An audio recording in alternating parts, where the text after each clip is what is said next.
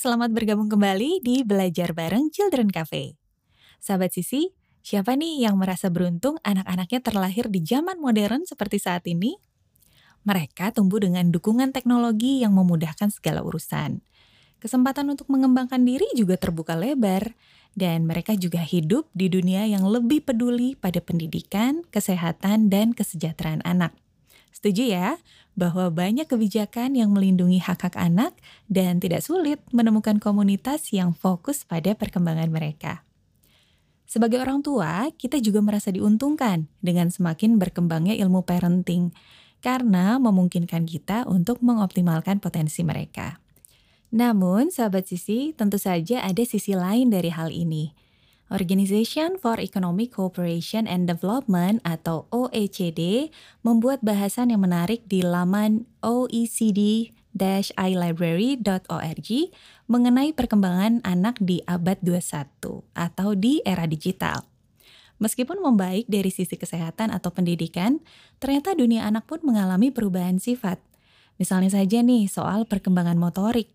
Kalau dulu anak distimulasi dengan banyak bergerak, sekarang mereka lebih banyak menghabiskan waktu dengan gadget yang minim pergerakan tentunya. Dan hal ini bukan hanya mempengaruhi perkembangannya, tapi juga kesehatan fisik. Tahun 2018 ada survei dari Riskesdas atau Riset Kesehatan Dasar yang mencatat kenaikan angka obesitas anak di Indonesia. Satu dari lima anak SD dan satu dari tujuh remaja mengalami obesitas. Dan masalahnya tidak berhenti di situ sahabat, karena anak-anak ini juga rentan depresi atau stres akibat stigma negatif, bullying, maupun body shaming yang mereka terima. Nah ini membawa kita ke problem berikutnya, yaitu kuatnya pengaruh dunia maya pada kehidupan mereka. Bullying memang tidak hanya terjadi pada dunia nyata ya saat ini, namun juga di internet. Nah orang tua sekarang mungkin memang lebih melindungi anaknya dari sisi kesehatan dan keamanan di luar rumah. Tapi sahabat, sesungguhnya mereka sangat terbuka terhadap serangan dari seluruh penjuru dunia, tepatnya yang berkaitan dengan internet. Cyberbullying bukan lagi hal yang aneh, begitu pula cybercrime yang dilakukan orang dewasa terhadap anak-anak. OECD sendiri menyebutkan ada empat aspek utama dalam kehidupan anak-anak di era digital ini yaitu aspek kesehatan fisik, aspek emotional well-being, aspek keluarga dan teman sebaya, serta ada aspek teknologi digital. Mari kita bahas satu persatu. Pertama, physical health atau kesehatan fisik. Tentu saja anak yang sehat punya kesempatan lebih besar untuk mengembangkan dirinya. Sayangnya, kebiasaan berolahraga, mengatur makanan, dan juga durasi serta kualitas tidur yang cukup ini menurun pada anak-anak zaman sekarang. Banyak faktornya sahabat, namun yang paling sering disalahkan adalah teknologi. Apalagi kalau bukan gadget yang membuat anak malas bergerak dan juga tidur lebih larut. Ragam makanan miskin gizi seperti snack, minuman ringan, ataupun junk food juga banyak menjadi pilihan. Bukan hanya karena anak menyukainya ya, tapi sebagian dari kita merasa lebih praktis menyajikan makanan-makanan tersebut.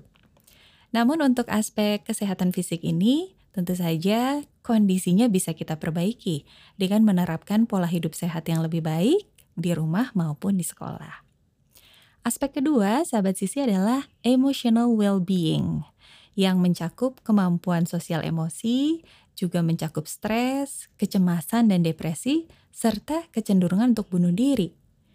Emotional well-being ini sangat krusial karena berpengaruh pada fungsi kita sehari-hari.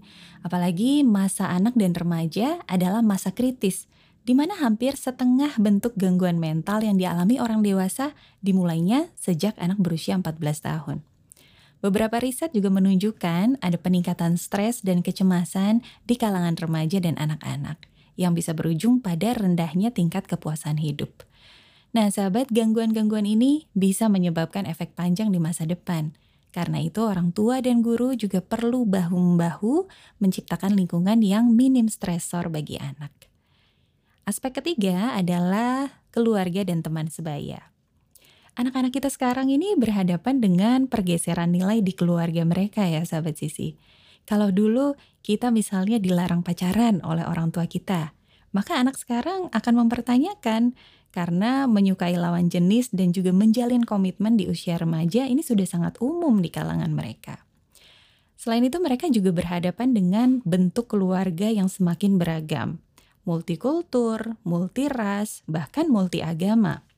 Dalam lingkungan pertemanan pun mereka berhadapan dengan banyak perbedaan dan harus mampu beradaptasi secara cepat. Perubahan cara bersosialisasi juga dipengaruhi oleh aspek yang keempat dan paling kentara, yaitu aspek digital technology. Sekarang semakin mudah bagi mereka untuk menjalin pertemanan dan terhubung tanpa batasan jarak. Mereka juga merasakan mudahnya mencari informasi tentang apa pun, mudahnya menyelesaikan berbagai urusan dengan bantuan teknologi. Sahabat Sisi, sudah tahu kan kalau sekarang anak mengakses internet di usia yang semakin muda di riset OECD, 18% anak pertama kali mengakses internet sebelum berusia 6 tahun. Ya, tentunya hal ini seperti dua mata pisau ya, bisa positif, bisa juga negatif. Maka menjadi tugas kita sebagai pendamping anak untuk memaksimalkan efek positif dari teknologi digital sekaligus meminimalkan efek negatifnya. Nah, sahabat sisi, itulah beberapa aspek dan beberapa ciri perkembangan anak-anak dan remaja kita yang hidup di era digital ini. Semoga bermanfaat ya informasi ini. Dan sahabat sisi jangan lupa untuk kunjungi juga website kami di www.childrencafe.com untuk mendapatkan beragam artikel tentang parenting dan perkembangan anak. Anda juga bisa mengakses video-video talk show kami di YouTube channel Children Cafe dan juga follow Instagram kami. Terima kasih dan sampai jumpa di podcast berikutnya.